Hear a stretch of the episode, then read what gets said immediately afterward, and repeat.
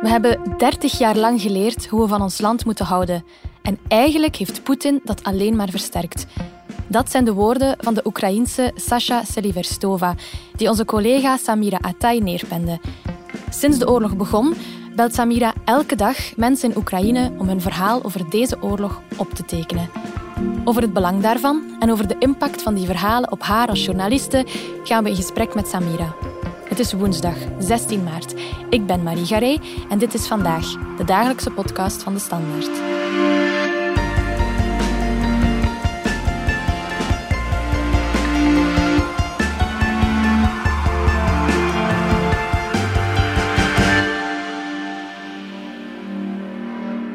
Dag Samira. Hallo. We begonnen daarnet met een citaat van Sasha Seliverstova. Je hebt deze Oekraïense zowat twee weken geleden een eerste keer gebeld, maar daarna heb je haar ook hier in een tea in Landen ontmoet. Ja, dat was best speciaal. De eerste keer dat we met elkaar hebben gebeld was toen ik eigenlijk eh, informatie zocht over Kiev zelf. En Sasha en ik hebben toen ruim een uur met elkaar gebeld. Ze was toen al voorbij de Roemeense grens en was toen met haar eigen gezin bij een ander Roemeens gezin.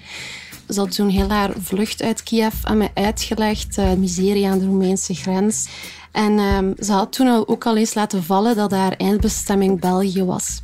Nu, ik dacht dat ze nog niet of al zo snel in België zou toekomen tot ze later dan mij een bericht had gestuurd. Want we bleven in contact met elkaar, ook omdat ik benieuwd was hoe haar reis verder verliep.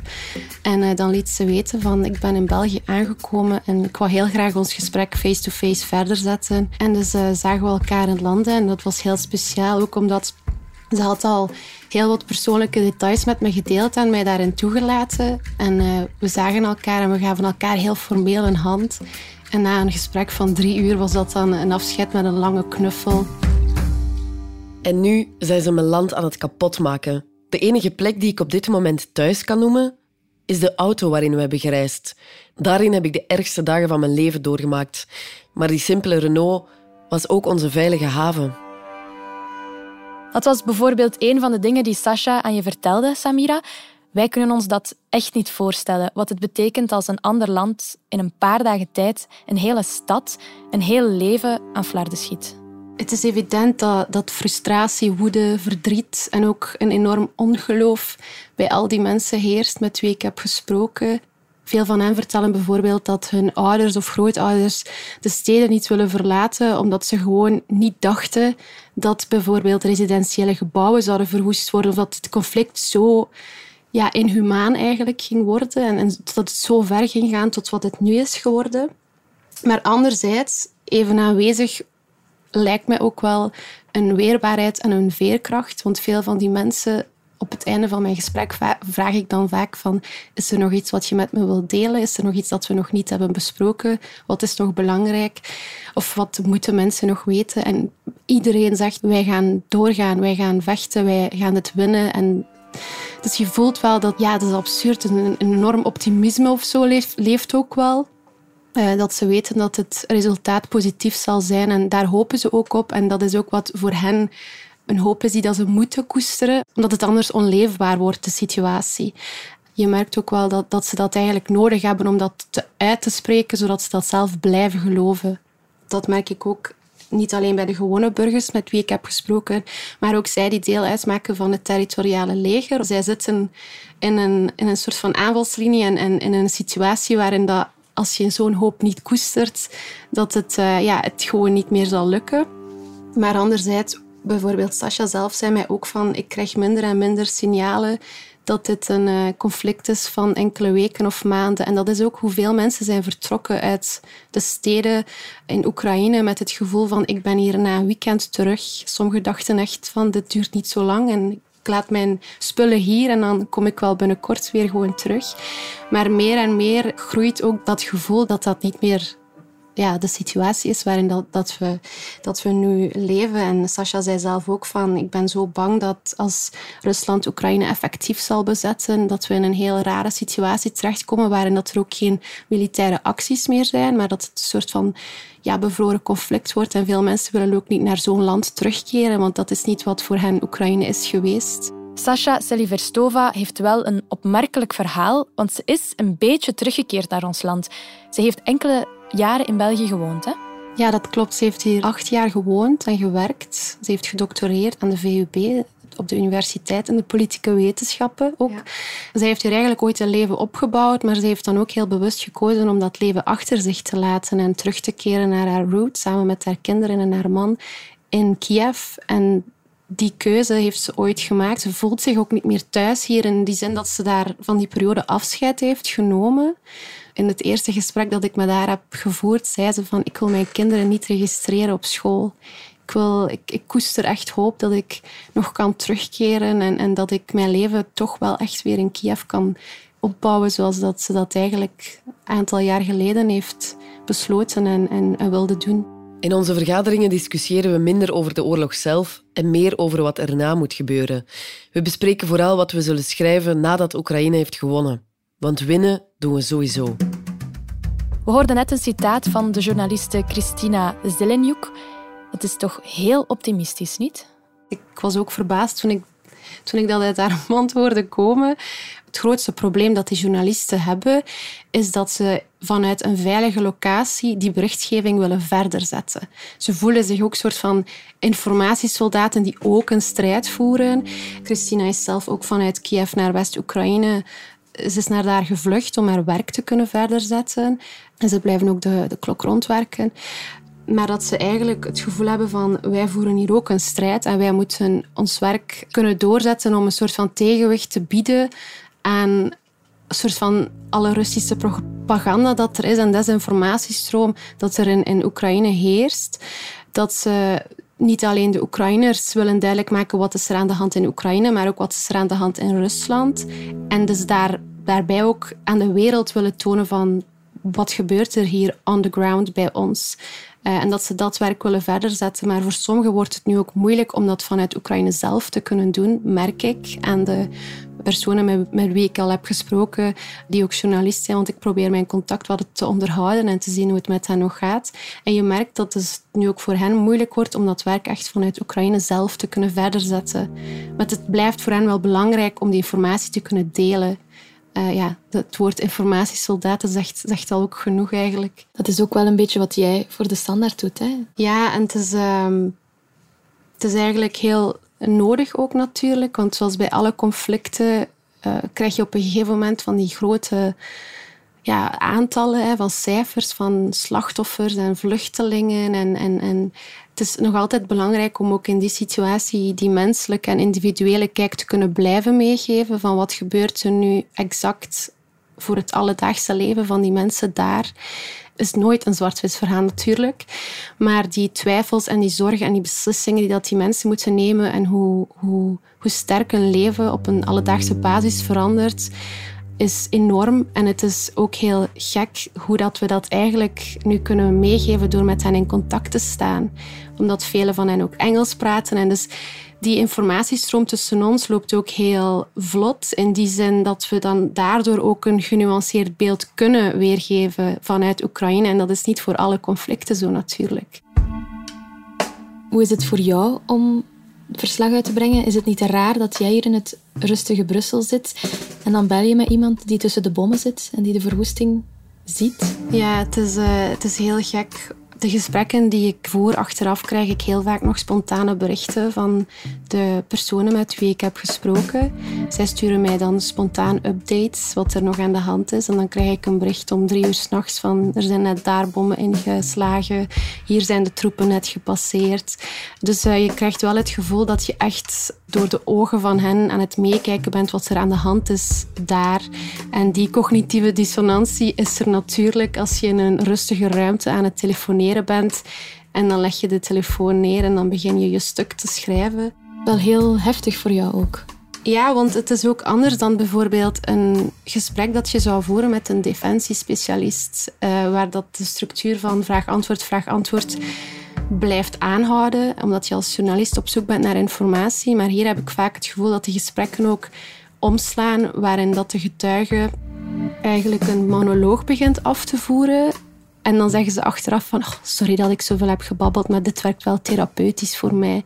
En ik uh, laat hen ook gewoon alles vertellen wat ze willen vertellen, waardoor je natuurlijk ook heel lange gesprekken hebt op een dag en dan moet je dat stuk daarna nog schrijven. Dus in die zin zijn het wel lange dagen, maar je bent wel volledig mee met hoe die mensen zich daar voelen. Er zijn ook wel bepaalde situaties geweest waarin het wel ja, heel moeilijk werd. Bijvoorbeeld, ik sprak met een vrouw in Berdiansk dat eigenlijk bijna volledig in handen van de Russen is. Toen was ik een stuk aan het maken over de water- en voedselvoorraden.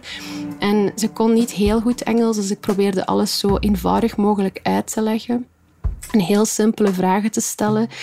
Ik merkte dat zij, ook al verstond ze toch dan mijn vragen, dat ze eigenlijk in een soort van herhaling viel, waarbij dat ze continu zei van ik probeer hier weg te geraken, ik wil naar Bulgarije, weet jij een manier? En ik stelde dan soort van andere vragen.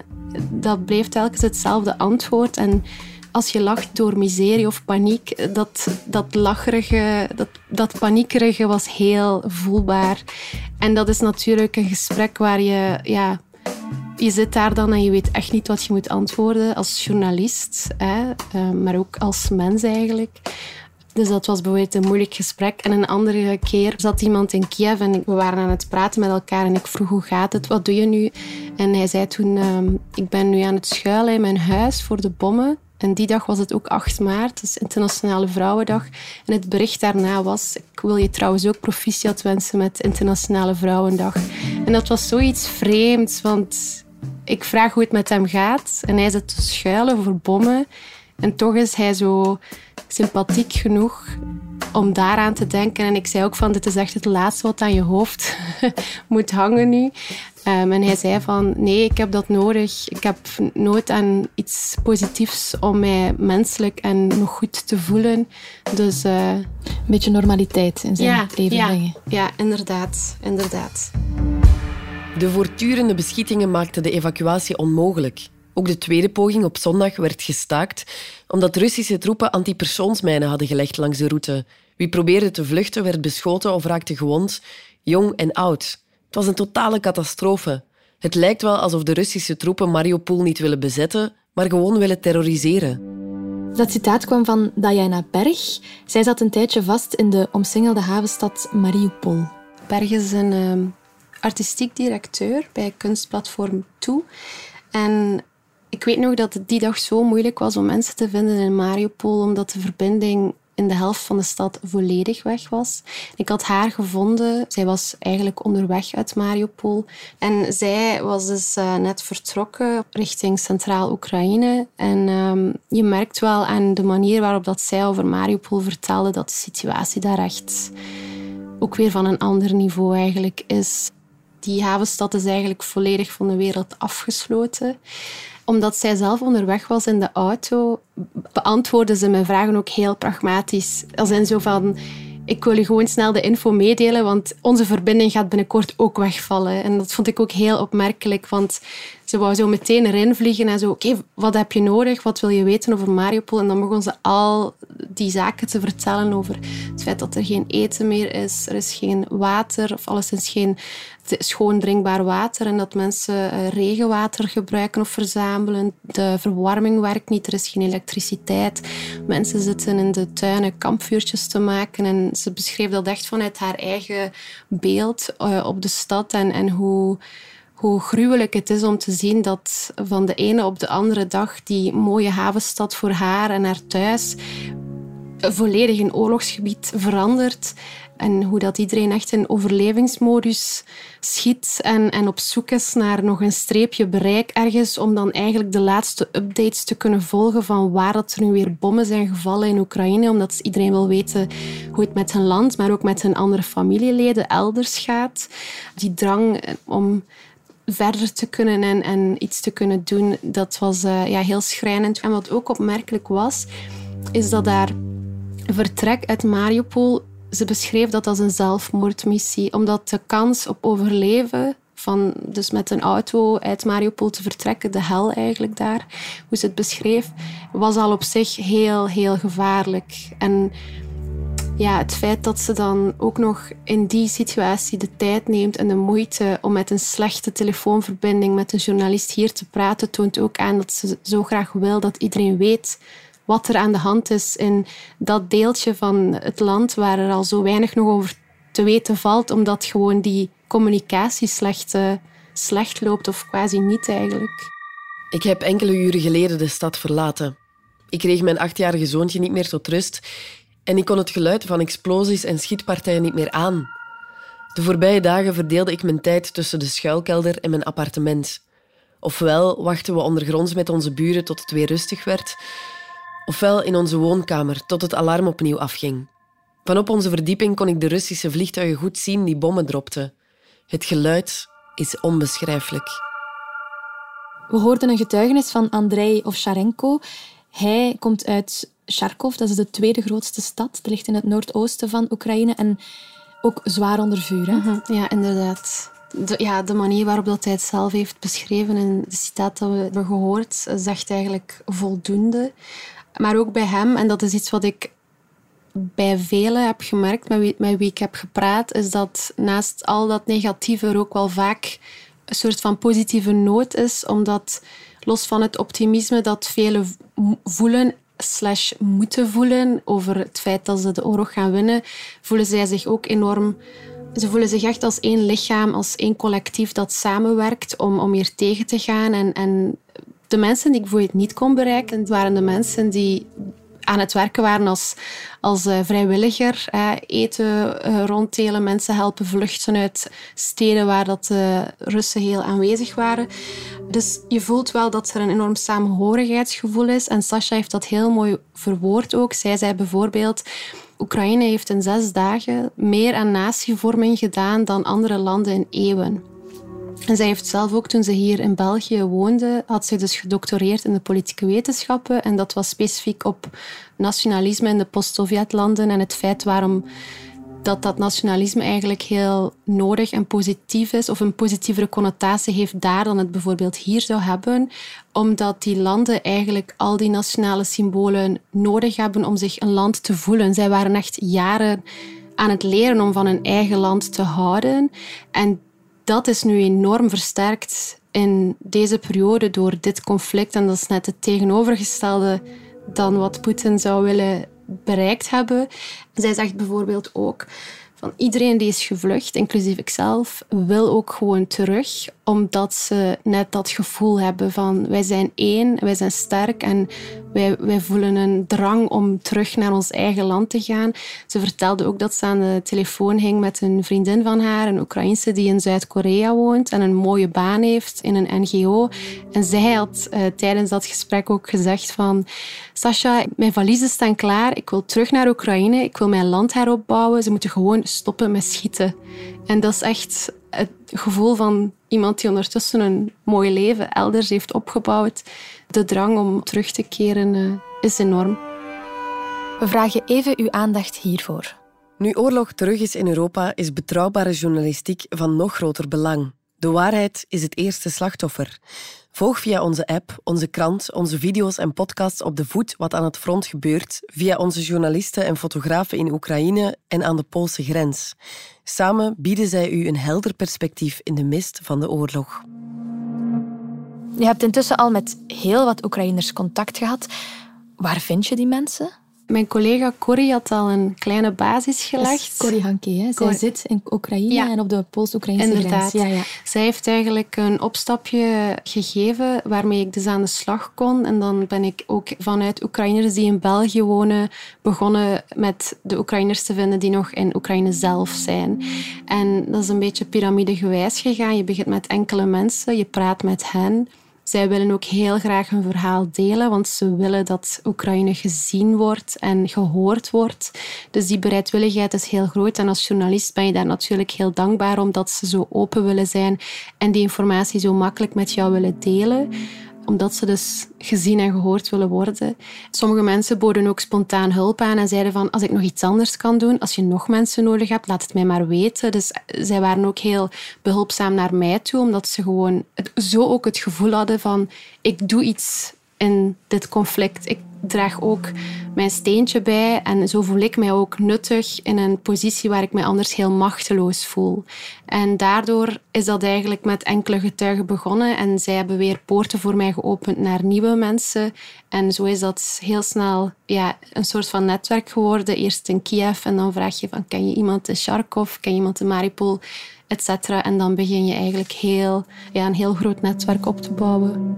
Een van je opmerkelijkste verhalen is misschien wel dat van een jong koppel, Yarina Ariva en Sviatlosav Fursin.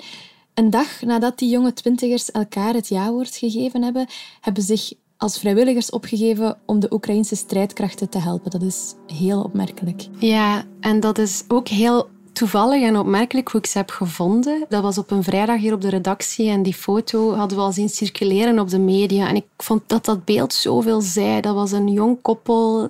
Zij keken heel liefdevol in de camera. Je voelde dat er liefde was tussen hen. En alles leek op een heel soort van romantisch beeld. Maar dan hadden ze ook die twee geweren vast. En dat was iets heel dat trok mijn aandacht. En s'avonds was ik met een um, fotograaf die nog in Kiev zit, Mikhail, aan het praten. Hij heeft bewust gekozen om in Kiev te blijven, om dus zijn werk verder te zetten als fotograaf. Hij heeft ook zijn zoontje naar West-Oekraïne gestuurd bij de grootouders, zodat hij zonder stress wist van mijn zoon is veilig, ik kan mijn werk verder zetten. Ik was met hem aan het praten en ik vroeg hoe gaat het daar en hij zei ik ben nu momenteel bij het territoriale leger, dus bij hen mee aan het volgen hoe hun dag verloopt en wat ze doen. En hij stuurde mij dezelfde foto door en hij zei: Ik heb deze foto getrokken. En ik zei: Wauw, ik uh, heb die foto ook vandaag gezien. Dat ik eventueel met iemand die op die foto staat kunnen praten. En hij zei: Ik heb, uh, ik heb al een bericht gestuurd naar Jarina, speciaal voor jou. Je kan met haar praten. En dat vond ik heel ja, sympathiek. En ik had dan die vrijdagavond ook meteen met haar contact. Toen vertelde ze dat haar man uh, net vertrokken was op een missie en dat hij zondag zou terugkeren. Dus was ook wel heel nerveus. En zondag is hij teruggekeerd en dan hebben we denk ik maandag of dinsdag met elkaar getelefoneerd. En wat bij dat gesprek voor mij zo opmerkelijk was hoe humor belangrijk is voor de Oekraïners. En je hoorde op de achtergrond mensen lachen en ze waren mopjes aan het maken over de Russische troepen. En het was echt zo een en heel laconiek en, en, vreemd, terwijl dat ze eigenlijk doodgewone mensen waren voor de invasie. Zij zat in de politiek in Kiev en hij werkte als ingenieur, had veel projecten lopen. En dat die zo overtuigd waren van, ja, logisch dat we, ook al zijn we getrouwd en ook al ja, is dat een rare situatie voor ons of zo, dat we ons hebben ingeschreven en geregistreerd en dat we dit doen voor ons land. Het leek voor hen als de meest normale zaak in de wereld om dat te doen. En ze lachten dan ook van ja, dit is een ander soort uh, huwelijksreis dan je zou vermoed hebben. Ik heb geen professionele militaire ervaring, maar ik heb veel opgestoken van mijn vader en mijn schoonvader. Zij zijn allebei militairen en vechten mee met de Oekraïnse troepen. Ze leerden mij veel bij over strategisch denken. Hier heb ik het gevoel dat ik mijn vrouw en mijn dierbaren kan beschermen. Maar het draait natuurlijk niet om mij. Ik wil niet sterven als een held. Ik ben hier gewoon om mijn land te verdedigen. Het was een anekdote die de bruidegom, een ingenieur van opleiding, jou vertelde. Het is een heel opmerkelijk verhaal. En je hebt ons nu al een inkijk kunnen geven in het netwerk dat je de afgelopen weken hebt opgebouwd. Is er één verhaal specifiek dat jou het meest heeft geraakt? Denk niet dat het echt een kwestie is van welk verhaal aan zich ik het meest pakkend vond. In alle verhalen die ik gehoord heb, was wel het verhaal van de restaurantuitbaters Elena en Dmitro Borisov wel een lichtpunt. Zij zitten specifiek in Kiev en zij hebben daar 60 uh, eh, verschillende restaurants. En ik vond dat heel frappant hoe dat die na twee dagen sluiten op de derde dag zeiden van nee, we gaan open, we gaan maaltijden maken, voorbereiden. En het was zelfs een voorstel van hun personeel om dus ja, vrijwillig weer aan de slag te gaan, terwijl dat hun thuisstad onder vuur ligt. Toen ik met hen belde, maakten ze dagelijks 5000 maaltijden voor dokters, zieke kinderen, ouderen die niet hun huis uit kunnen raken, voor um, de de strijdkrachten voor zoveel verschillende ehm, groepen in de stad. En dat vond ik heel mooi en positief om te horen. En de PR-manager vertelde ook op een gegeven moment dat ze op zoek waren naar een vrijwilliger die met hun auto door Kiev wilden gaan om die maaltijden te bezorgen, wat natuurlijk heel veel risico's met zich meebrengt als je stad onder vuur ligt. En dat er dan een jonge vrouw van 20 zich had aangeboren omdat ze een smart auto had, waarmee dat ze ja, door de straten van Kiev wilde, wilde rondrijden en, en het wilde riskeren. En ja, dat is iets wat ik echt heel moedig vond. Niet alleen van haar, maar van iedereen die op dat moment daar, daaraan wilde meewerken. Terwijl uh, ja, dat ze eigenlijk in, een oorlogsgebied vastzitten momenteel. En toch de straten op durven en samenkomen en, en toch doorgaan op een manier. Het zijn heel heftige verhalen en jouw werk wordt zeker geapprecieerd hier. Dankjewel, Samira. Dat is graag gedaan. Dit was vandaag, de dagelijkse podcast van de Standaard. Bedankt voor het luisteren. Ken je trouwens DS Podcast al, de podcast-app van de Standaard? Daar luister je niet alleen naar onze journalistieke reeksen, je krijgt er ook elke week een eigenhandige selectie van de beste nieuwe podcasts op de markt. Alle credits van de podcast die je net hoorde vind je op standaard.be/podcast. Reageren kan via podcast.standaard.be. Morgen zijn we opnieuw.